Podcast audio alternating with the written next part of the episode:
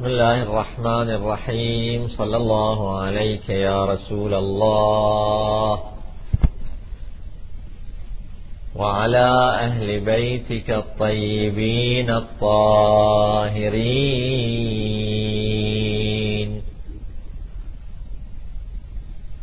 المعصومين المظلومين لعن الله الظالمين لكم من الأولين والآخرين.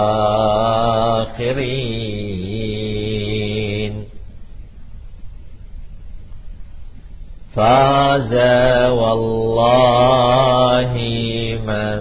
تمسك بكم وأمن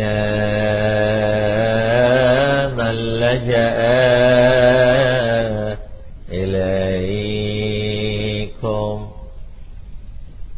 صلى الله عليك يا مولاي يا أبا عبد الله.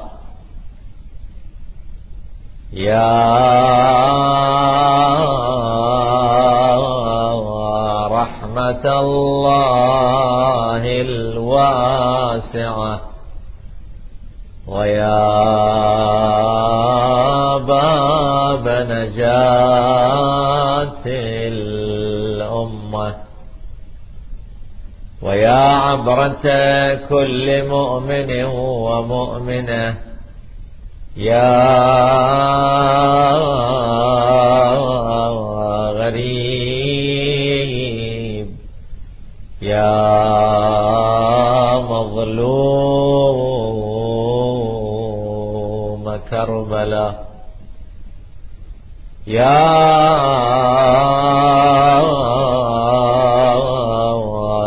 ليتنا كنا معكم فنفوز فوزا عظيما.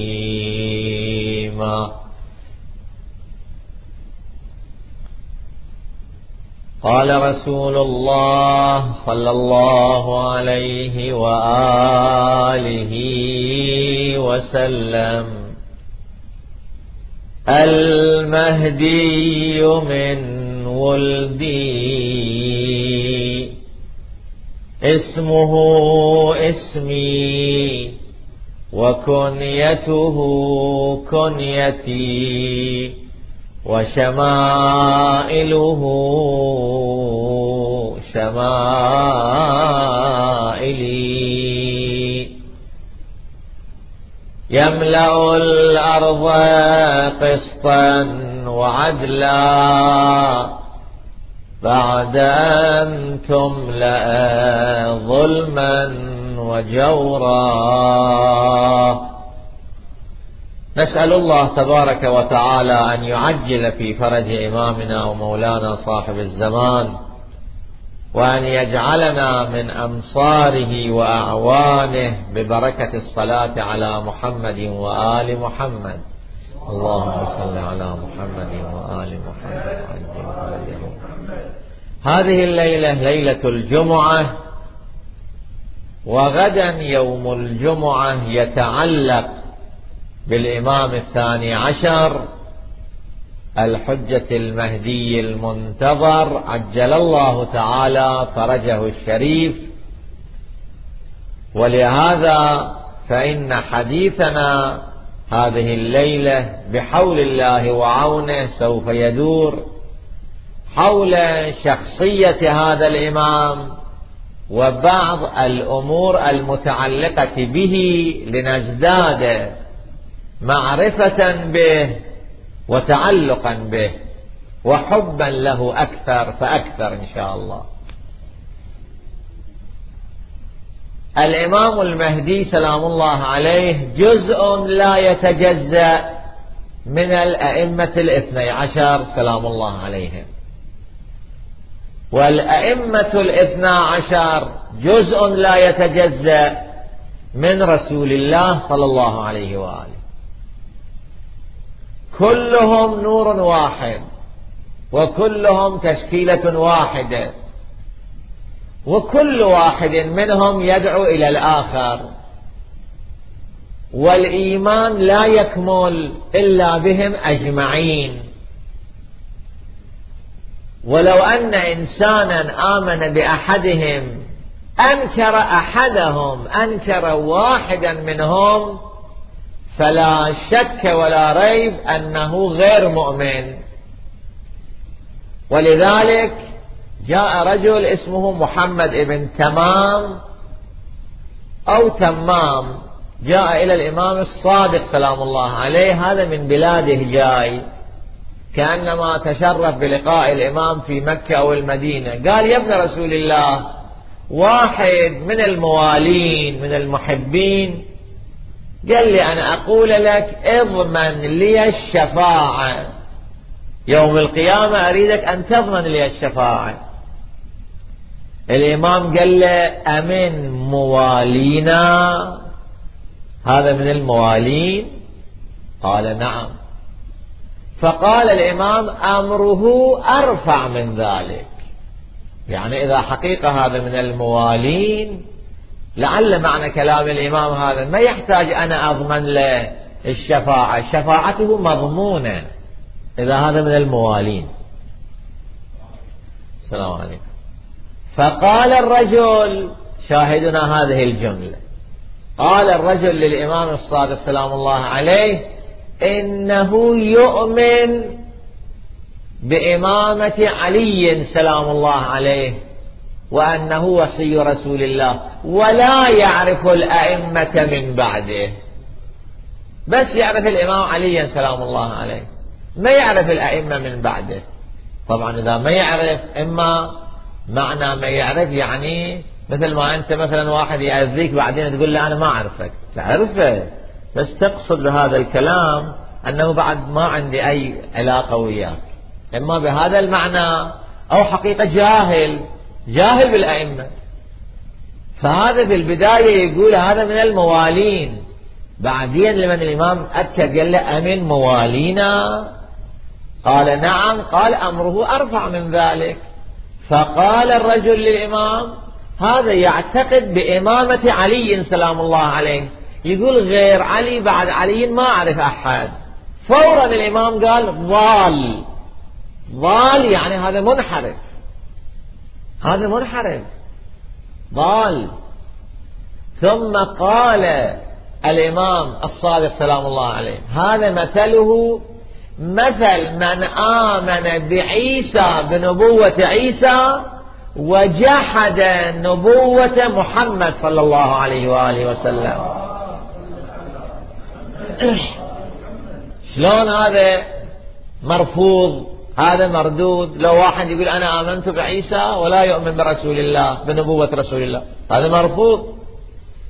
لازم يكون الإنسان يؤمن بكل الأنبياء. الآية القرآنية تقول لا نفرق بين أحد من رسله. ولذلك إحنا كل الأنبياء نحبهم. تشوفون نسمي أولادنا. يحيى عيسى موسى زكريا نسمي أولادنا بأسماء الأنبياء لأنه إحنا نعتقد بالأنبياء لا نفرق بين أحد من رسله. كلهم نحبهم. أكو مسألة شرعية من باب التنظير أذكرها في هذا المجال. الأحكام الشرعية تنقسم إلى قسمين بعضها يسموها مرتبطة بعضها ببعض. أكو رابط بينها بين أجزاء بعض العبادات. هذا الرابط. معناه أن لازم العبادة تأتي بأجزائها كاملة. مثلا الصلاة. لو فرضنا أن الصلاة عشرين جزء. القراءة الطمأنينة بما فيها الأركان. لو فرضنا أن الصلاة عشرين جزء.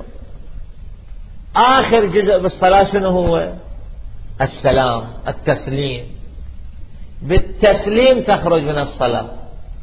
لو أن إنسانا وقف وصلى صلاة طويلة أطال الركوع والسجود بخشوع بخضوع صلى صلاة طويلة. بعدين لمن قعد للتشهد وتشهد قبل أن يسلم سلام الصلاة قام وراح. هاي صلاة شنو؟ باطلة. صلاة باطلة. يقولون هاي العبادة أجزائها كلها مرتبطة بعضها ببعض إلى الجزء الأخير. إذا واحد أتى بتسعة عشر جزء مثلا الجزء الأخير ما جاء به الصلاة باطلة.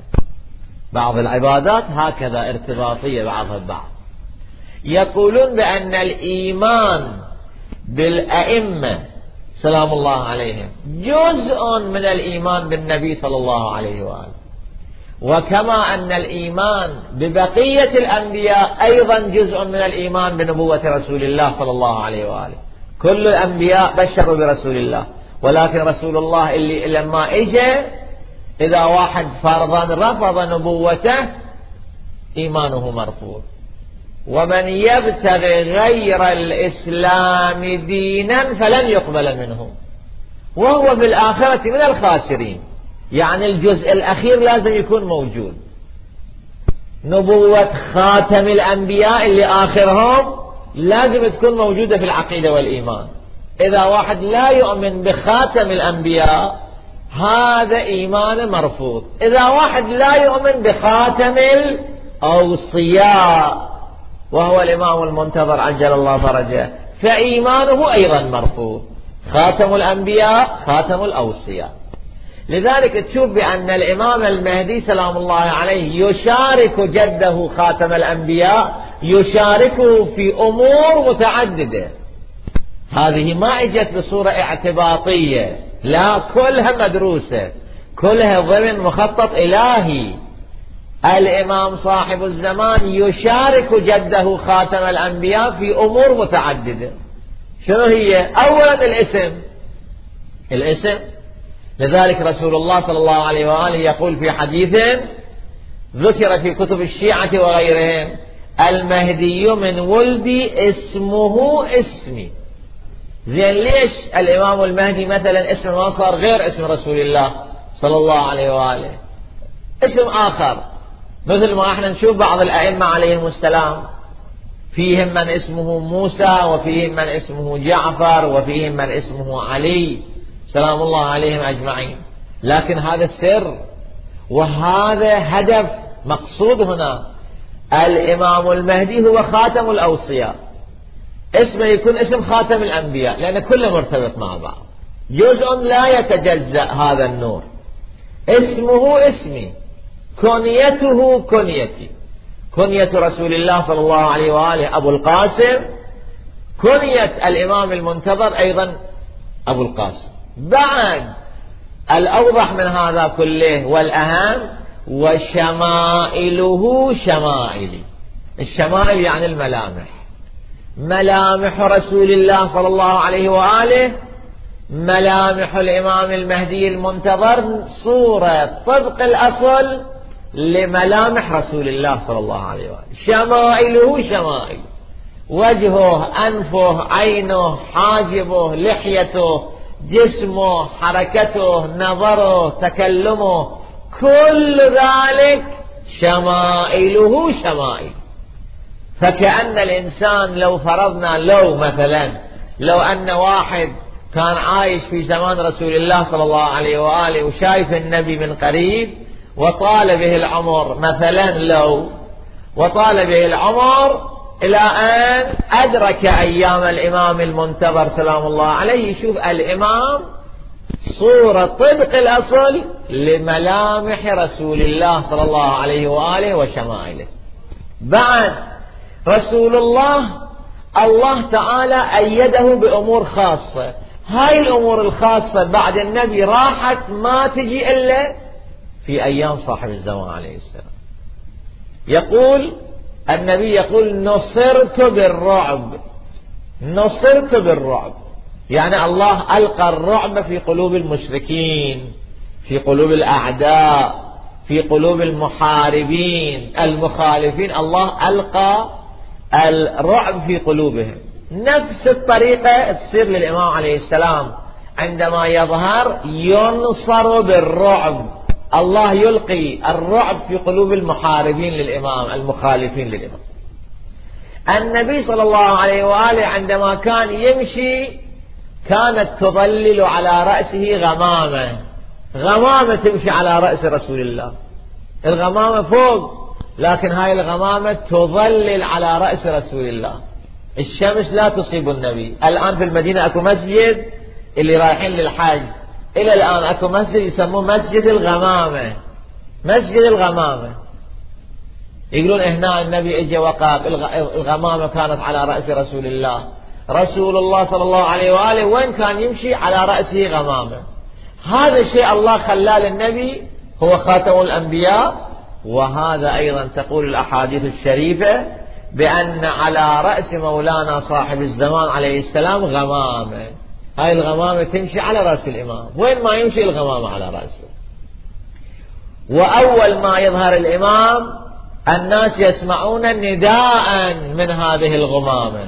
نداء مرتفعا صوت عظيم مسموع للجميع. هذا الصوت ينادي يا أيها الناس هذا المهدي قد خرج فاتبعوه. هذا النداء نداء من قبل الله تبارك وتعالى من الغمامة. ثم ترى بأن الدور رسول الله صلى الله عليه وآله كان دورا صعبا جدا. النبي وين ظهر؟ وين بعث في الجزيرة العربية اللي ذاك اليوم الجاهلية الأولى. في الجاهلية الأولى.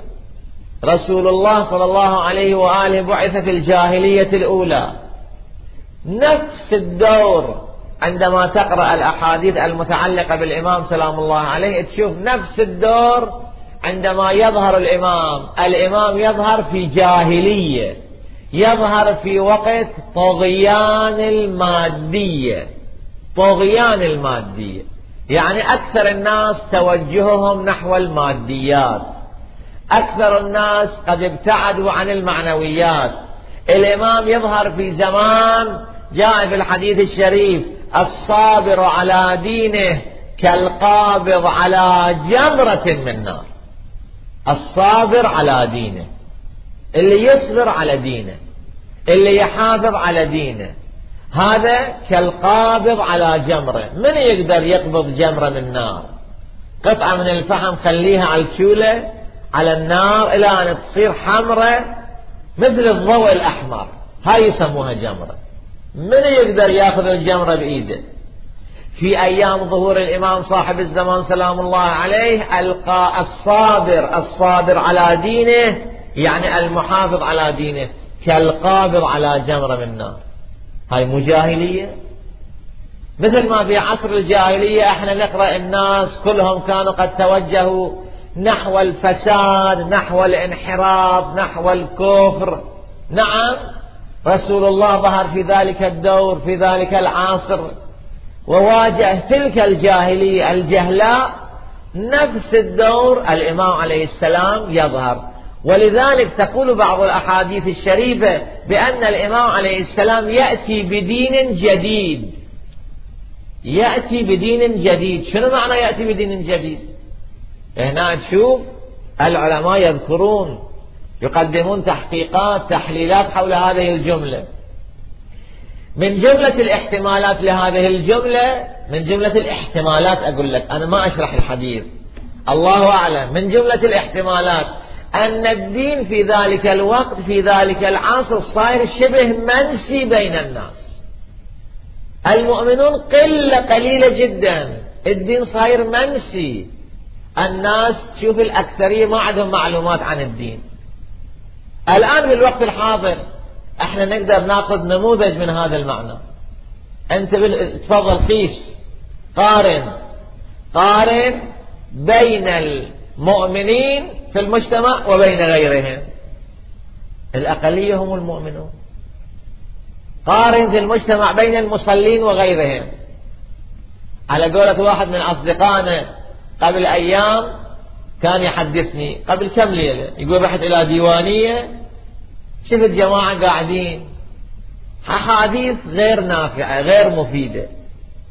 فقلت لهم ليش هاي الأحاديث التافهة؟ ليش هذا الكلام اللي الباطل اللي ما ينفع؟ هاي ليالي شهر رمضان. على الأقل خلوا كلمات نافعة أو خلوا الموضوع موضوع نافع.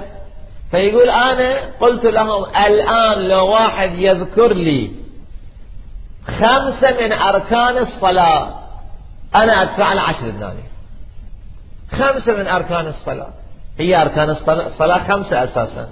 الأركان هذا اصطلاح عند الفقهاء. يعني إذا الإنسان نسي ركنا فصلاته باطلة. فرق أكو اصطلاحا بين الركن والجزء. يقول قلت خلي واحد يذكر لي خمسة من أركان الصلاة. عشر دنانير أنا أعطي. ولا واحد قدر يذكر. إحنا مو الآن في جاهلية. الآن إحنا مو في عصر اللي لو يقال الصابر على دينك القابض على جمره. طبعا ذاك اليوم يوم عصر الإمام عليه السلام الأمور أسوأ لا شك ولا ريب لأن الأرض تملأ ظلما وجورا. ولكن حتى الآن تشوف بأن المعلومات الدينية الفكرة الدينية عند الناس هاي الصلاة. هاي الصلاة إحنا كل يوم نصليها شلون نعرف أركانها؟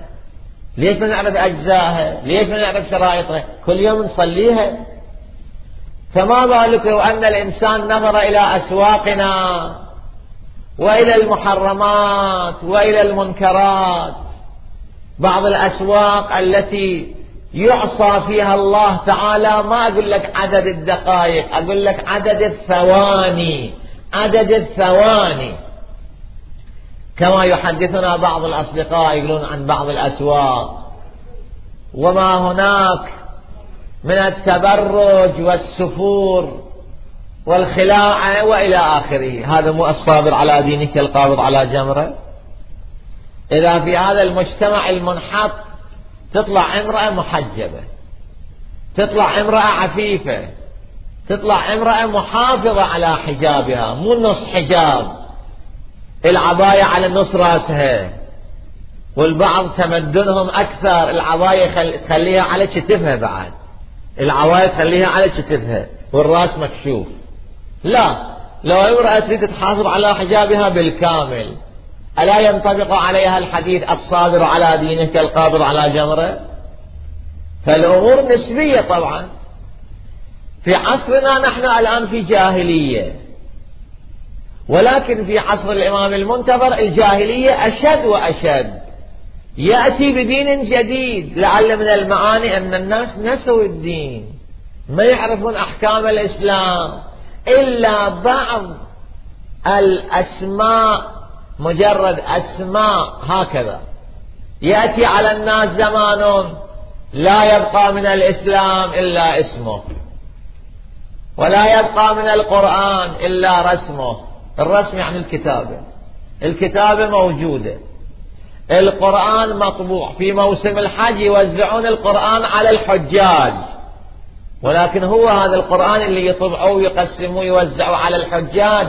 هو هذا القرآن كاتب قل لا أسألكم عليه أجرا إلا المودة في القربى. هو هذا القرآن اللي يوزعه على الحجاج. كاتب يا أيها الرسول بلغ ما أنزل إليك من ربك. هو هذا القرآن كاتب في إنما وليكم الله ورسوله. القرآن يطبعوه يوزعوه على الحجاج ولكن أين العمل؟ أين التطبيق؟ إذا لا يبقى من القرآن إلا رسمه. المطابع شغالة المصاحف تطبع. موجودة لكن العمل وينه العمل وين؟ وهناك المصادق الكثيرة والأمثلة الكثيرة للذين ابتعدوا عن دين الله تعالى. فلذلك ترى بأن مولانا صاحب الزمان سلام الله عليه حقيقة يشارك جده خاتم الأنبياء في الاسم وفي الكنية وفي الشمائل وفي الدور الذي يقوم به. وهذا أعظم في الدور الذي يقوم به. عندما يظهر ويريد أن يصلح العالم. أحيانا بعض الناس يتعب على ابنه ما يقدر أن يصلح أمره. فكيف إذا واحد يريد أن يصلح العالم؟ الله يؤيده. الله ينصره. الله يعينه. عندما الإمام عليه السلام اسمه المهدي السلام عليكم لأنه يهدى المهدي. لأنه إحنا عندنا في اللغة العربية اسم الفاعل واسم المفعول. اسم الفاعل هادي يصير. اسم المفعول يصير مهدي. فيسأل من الإمام لماذا سمي الإمام بالمهدي؟ فيقول الإمام الصادق عليه السلام لأنه يهدى إلى أمر خفي. يعني ماذا؟ يعني يمشي على مخطط إلهي. الله يقول له شو تسوي؟ الله يقول له يهدى إلى أمر خفي. مخطط إلهي الإمام يمشي عليه. الله يؤيده الله يعلمه الله يساعده الله يعرفه على كل الأمور. ولذلك يهدى الإمام من قبل الله تبارك وتعالى. وكل الأئمة هكذا. كل الأئمة هداة وكلهم مهديون. ولكن الإمام الثاني عشر سلام الله عليه بصورة خاصة هكذا. وأنت تشوف بأن بعض الكلمات التي وردت في زيارة الجامعة على سبيل المثال والتي تعرف لنا شخصية الأئمة سلام الله عليهم. وعلى الخصوص باعتبار إحنا في عصر الغيبة الكبرى تعرف لنا شخصية الإمام الثاني عشر سلام الله عليه من جملة التعبيرات التي لابد أن ينتبه الإنسان إليها هذه الكلمة وأولياء النعم. أنت تخاطب الأئمة أو تعبر عنهم. هذول أولياء النعم. أولياء. أولياء جمع ولي. النعم جمع نعمة. أولياء النعم يعني أصحاب النعم. أصحاب النعم يعني المنعم. المنعم. المنعم يعني الذي ينعم عليك الذي يحسن إليك. أهل البيت سلام الله عليهم هذول أولياء النعم. يعني إحنا عايشين على مائدة الإمام المهدي عجل الله تعالى فرجه. إحنا عايشين على مائدة الإمام. عايشين ببركة وجوده سلام الله عليه. السحاب الأمطار إنما تنزل من السماء ببركة وجود الإمام عليه السلام. يقولون العلماء في أصول الدين في العقائد الإسلامية يقولون المنعم اثنان. المنعم الذي ينعم على الإنسان اثنان. الأول ما منه وجود الإنسان. وجود الإنسان منه. يعني كان الإنسان عدما فأوجده المنعم. وجوده من المنعم. هذا الأول. لا شك أننا إحنا الناس كلنا وجودنا من الله تعالى. الإنسان وجوده من الله سبحانه. الله أوجدنا. الله خلقنا. لذلك الله هو المنعم في الدرجة الأولى. الله هو المنعم. ما منه وجود الإنسان. المنعم الثاني ما به وجود الإنسان واستمراريته.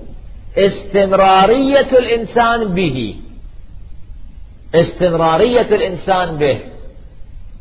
نعم الله تتوالى على الإنسان ببركة وجوده.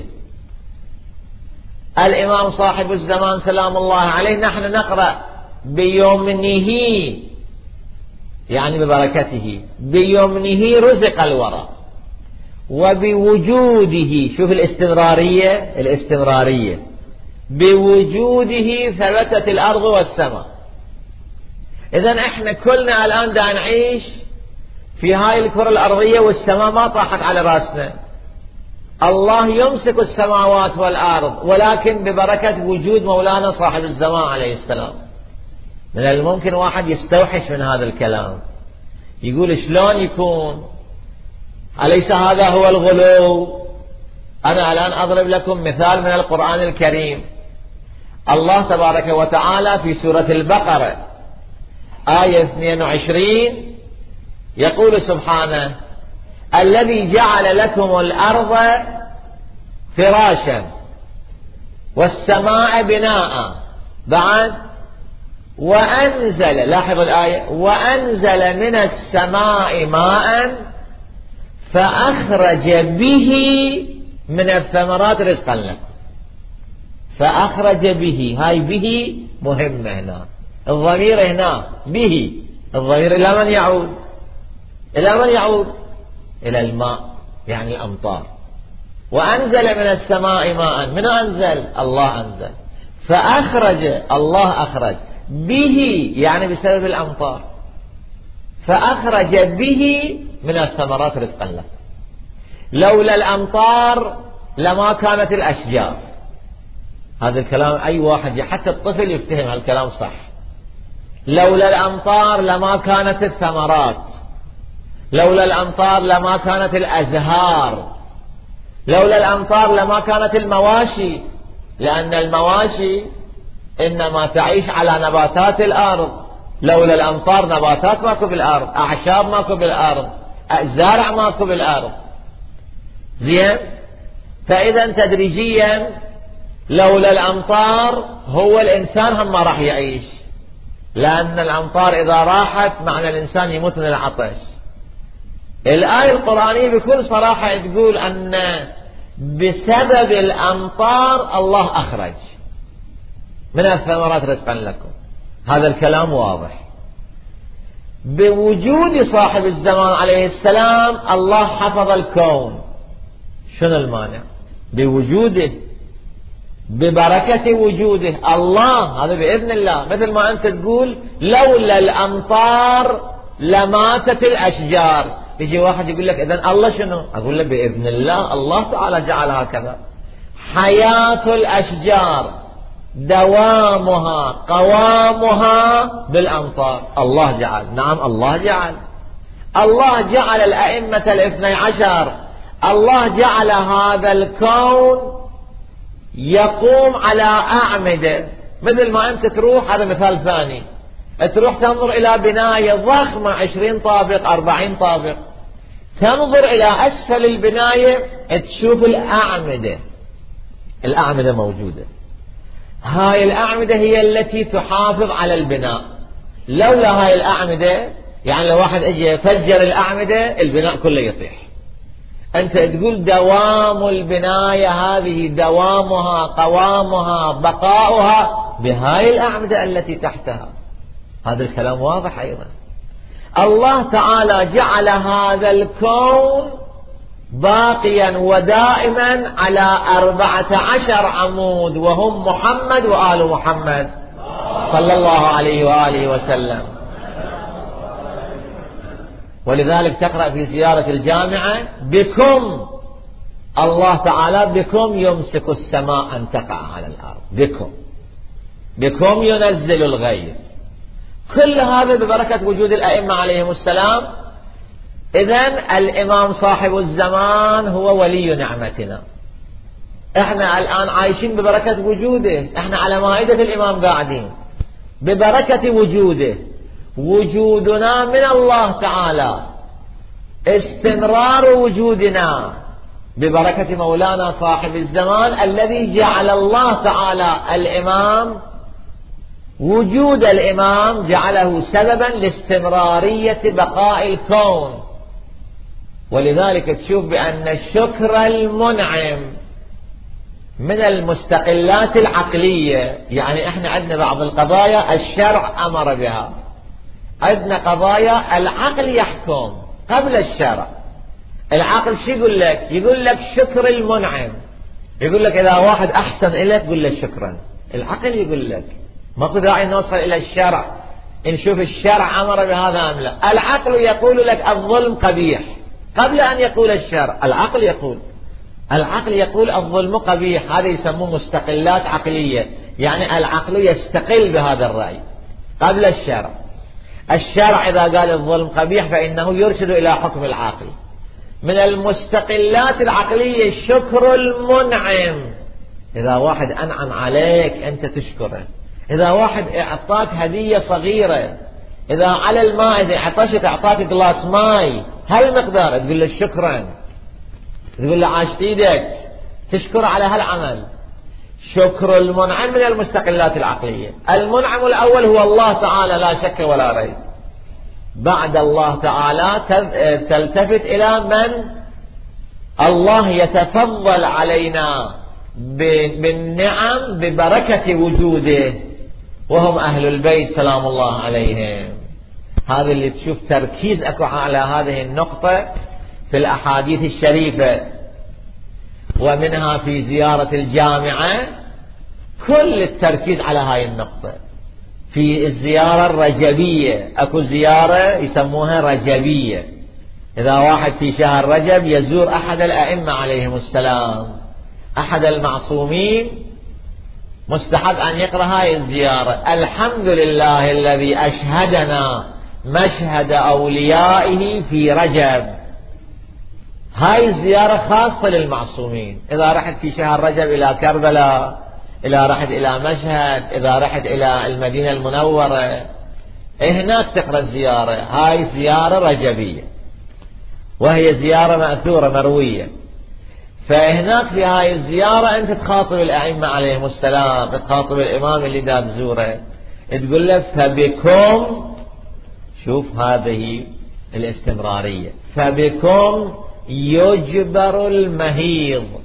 المهيض يعني الكسر. الكسر الذي يحدث مثلا في يد الإنسان في رجل الإنسان هذا يسموه مهيض. زين هذا الكسر كيف؟ شلون ينجبر؟ شلون يلتئم؟ فبكم يجبر المهيض. ويشفى المريض أو ويشفى المريض. وما تزداد الأرحام وما تغيض. كل الأمور في هذا الكون ببركة وجودكم. هذول أولياء النعم. لذلك تشوف بأن الإنسان كلما ازداد معرفة بالأئمة الطاهرين عليهم السلام وخاصة بالإمام المنتظر باعتبار أنه هو إمام زماننا وهو الذي نحن نعيش ببركة وجوده. كل ما ازداد الإنسان معرفة بالإمام يزداد تعلقا بالإمام يزداد حبا للإمام. عجيب أنا ما كنت أدري اللي إحنا عايشين ببركة وجود الإمام. والإمام هو المنعم. عندما نقرأ في الزيارة أولياء النعم يعني أنتوا أنتوا أولياء النعم علينا. إذا عندما الله تعالى يتفضل علينا بنعمة حتى الأرباح المالية التي يحصل الإنسان عليها الرزق الحلال نعم العافية يتمرض بعدين الله تعالى يلبسه لباس العافية. كل هذه الأمور الله تعالى تصدر منه سبحانه ولكن بخاطر من على خاطر من ببركة وجود الإمام المنتظر الذي جعل الله تعالى وجوده ضمانا لبقاء الكون. جعل الله وجوده ضمانا لبقاء الكون. ولذلك تشوف أهل بيتي النبي صلى الله عليه وآله يقول في حديث مذكور في كتب الشيعة وغيرهم. أهل بيتي أمان لأهل الأرض. كما أن النجوم أمان لأهل السماء. أمان لأهل الأرض. أهل بيتي أمان لأهل الأرض. شنو معنى الأمان؟ يعني اللي يحافظ على نظام الكون. اللي يحافظ على النظام العام على الطمأنينة على الاستقرار في الكون. وهذا الأمان قد يكون أمانا عاما بالنسبة إلى كل من يعيش على وجه الكرة الأرضية. وقد يكون أمانا بالنسبة إلى الأشخاص فردا فردا. ذلك الإنسان الذي يعيش في أمان. ذلك الإنسان الذي يعيش في نعمة. ذلك الإنسان الذي يرزقه الله تعالى الذرية. كل هذه النعم عليه أن يعلم أنها هاي النعم ببركة وجود الإمام عليه السلام. إذا خلي بالأسبوع يوم الإنسان يقعد يزور الإمام. على الأقل بالأسبوع يوم. هاي زيارة آل ياسين اللي أواخر كتاب مفاتيح الجنان بعد دعاء الندبة زيارة آل ياسين. هذه الزيارة صادرة من الناحية المقدسة من قبل الإمام هو سلام الله عليه. عليكم السلام ورحمة الله. الزيارة صدرت من قبل الإمام عليه السلام. يقول إذا تريدون أن تزورون زورونا بهذه الزيارة. على الأقل في يوم الجمعة الإنسان مرة يزور الإمام بهذه الزيارة. أو يقرأ دعاء الندبة يحاول شوي يتكلم مع الإمام. حتى يعيش في ذلك الجو الإيماني. حتى يعيش هذه الدقائق. وكأنه أمام الإمام قاعد ودا يحشي ويا الإمام. ويعتقد. يعتقد في نفس الوقت أن الإمام يسمعه. وأن الإمام مؤيد من عند الله حتى يحل مشاكله. وحتى يتشفع له إلى الله تبارك وتعالى. ويحاول أن يتقرب إلى الإمام بأي شيء بما يحبه الإمام. إذا عندك صديق عزيز عليك غالي تحاول أن تتقرب إلى الإمام إلى إلى صديقك بما يحبه بما يحبه تتقرب إليه. إذا يحب الكتب الدينية تهدي له كتاب دين تدري يحب الكتب الدينية. إذا يحب قصص الأمم السابقة مثلا تختار له ذلك التهدي له تقدم له. وهكذا في أي مجال. الإمام بأي شيء يرتاح أي شيء يحب. يحب أن العبد يكون مطيعا لله تبارك وتعالى ويعيش الإمام صاحب الزمان سلام الله عليه. ليله ونهاره تحت ظل جده الحسين عليه السلام. هذا اللي يحب الإمام. الإمام يحب من الموالين من المحبين أن يعيشون في الحسينيات أن يعيشوا تحت ظل هذه المنابر المقدسة التي هي منابر توعوية التي هي مدارس التي هي دروس إلهية. الإمام يحب يحب تشجيع الشعائر الحسينية يحب المشاركة يحب المساهمة يحب إحياء ذكر جده الحسين سلام الله عليه. ولذلك روي أنه ذكر أنه عليه السلام عندما تشرف بعض المؤمنين السعداء بلقاء الإمام الإمام قال له لما سأله ذلك السائل أين يمكن اللقاء بك؟ أين توجد يا ابن رسول الله؟ قال له الإمام على ما ينقل أنا في كل ليلة جمعة عند قبر جدي الحسين عليه السلام. الحسين هو مهوى قلوب الأئمة الطاهرين سلام الله عليه الأئمة كلهم قلوبهم نحو سيد الشهداء. وتعلقهم بالحسين وبذكره وبعزائه ولذلك تشوف إحنا الشيعة أيضا هذا التركيز اللي عندنا وهذا الإصرار والإلحاح على إقامة المجالس الحسينية وعلى ذكر سيد الشهداء وذكر مصائبه إنما ننتهج منهاج أئمتنا سلام الله عليهم. وما يهمنا كلام الآخرين. ما يهمنا ذلك. لذلك تشوف بأن الإمام عليه السلام من جملة الأمور التي يبكي عليها عندما يتذكر ساعة غربة جده الحسين. تلك الساعة الأليمة التي لو شاء الله أن تسقط السماء على الأرض لسقطت. تلك الساعة التي تمنت مولاتنا زينب أن الجبال تتدكدك على الساهل. تلك الساعة ساعة غربة سيد الشهداء.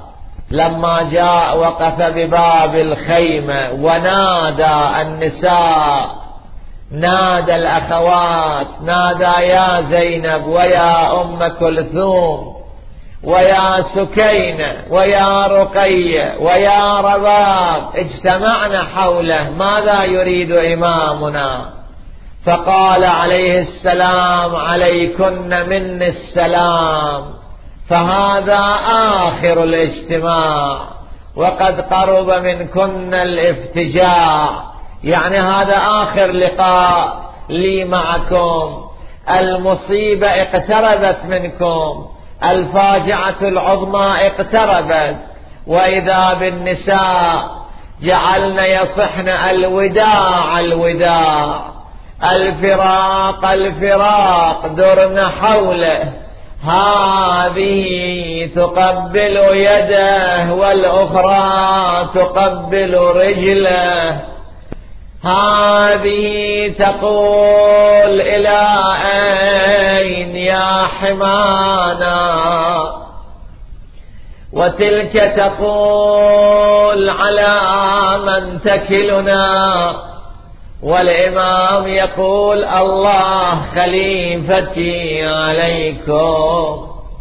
هذه المصيبة جدا كانت أليمة على قلوب النساء. تصور كبير العائلة يريد يروح يترك عائلته في الصحراء بين الأعداء. فأقبلت عزيزته سكين قالت أبا استسلمت للموت.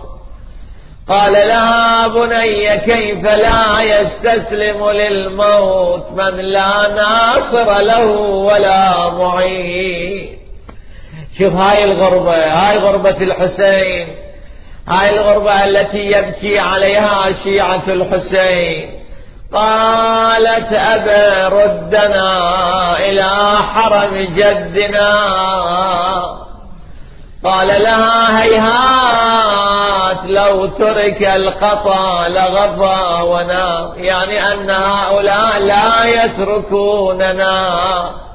هؤلاء يريدون أن يقتلونا. يا. فجعلت سكينة تبكي وإمامنا يمسح دموعها بكمه. شوف العاطفة. العاطفة الأبوية وهو يقول سيقول بعدي يا سكينة فاعلمي منك البكاء إذا الحمام داني. شلون أبيات عاطفية؟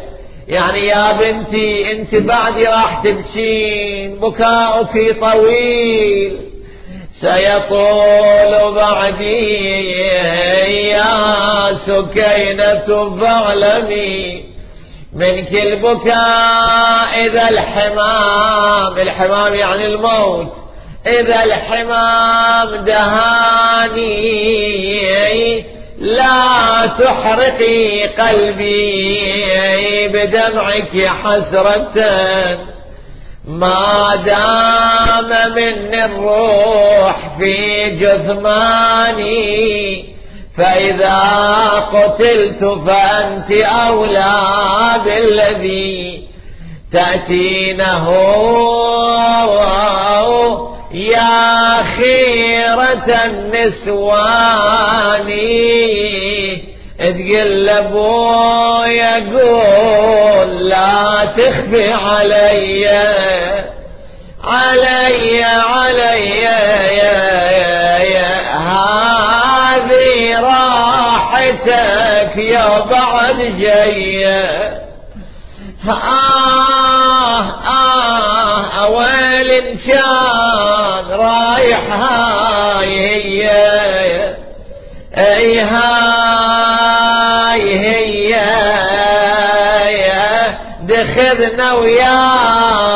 بعدك ما أقدر أصبر.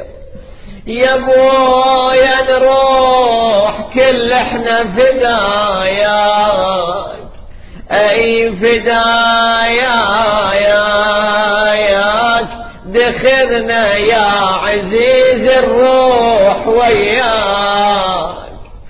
إيه غابة يا ابويا وقعدتناك.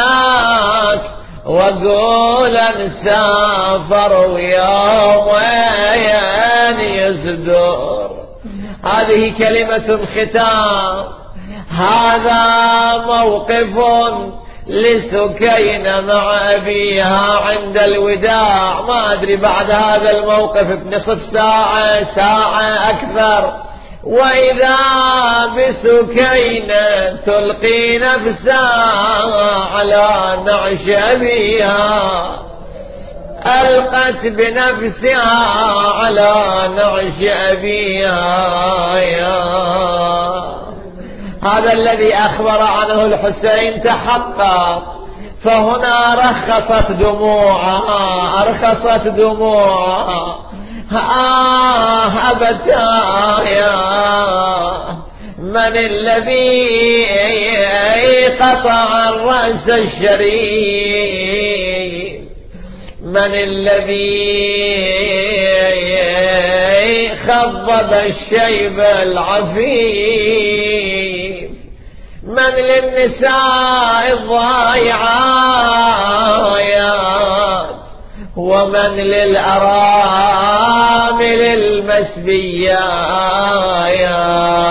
المسبيات آه ويتيمة فزعت لجسم كفيلها حسر القناع تعج في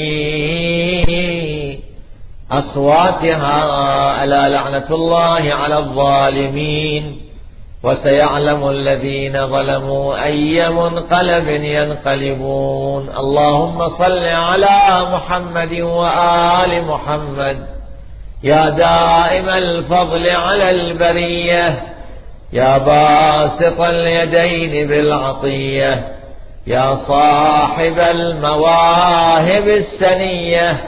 صل على محمد وآله خير الورى. سجية واغفر لنا يا ذا العلا في هذه العشية. اللهم نقسم عليك بحرمة مولانا صاحب الزمان. صلواتك عليه أن تقضي به حوائجنا. يا الله اللهم اشف به مرضانا أصلح به أمورنا. عجل في ظهور إمامنا واجعلنا من أنصاره وأعوانه. تقبل هذا العزاء منا جميعا بأحسن القبول. وإلى أمواتي وأمواتكم ومن مات على الإيمان نهدي للجميع ثواب الفاتحة مع الصلوات.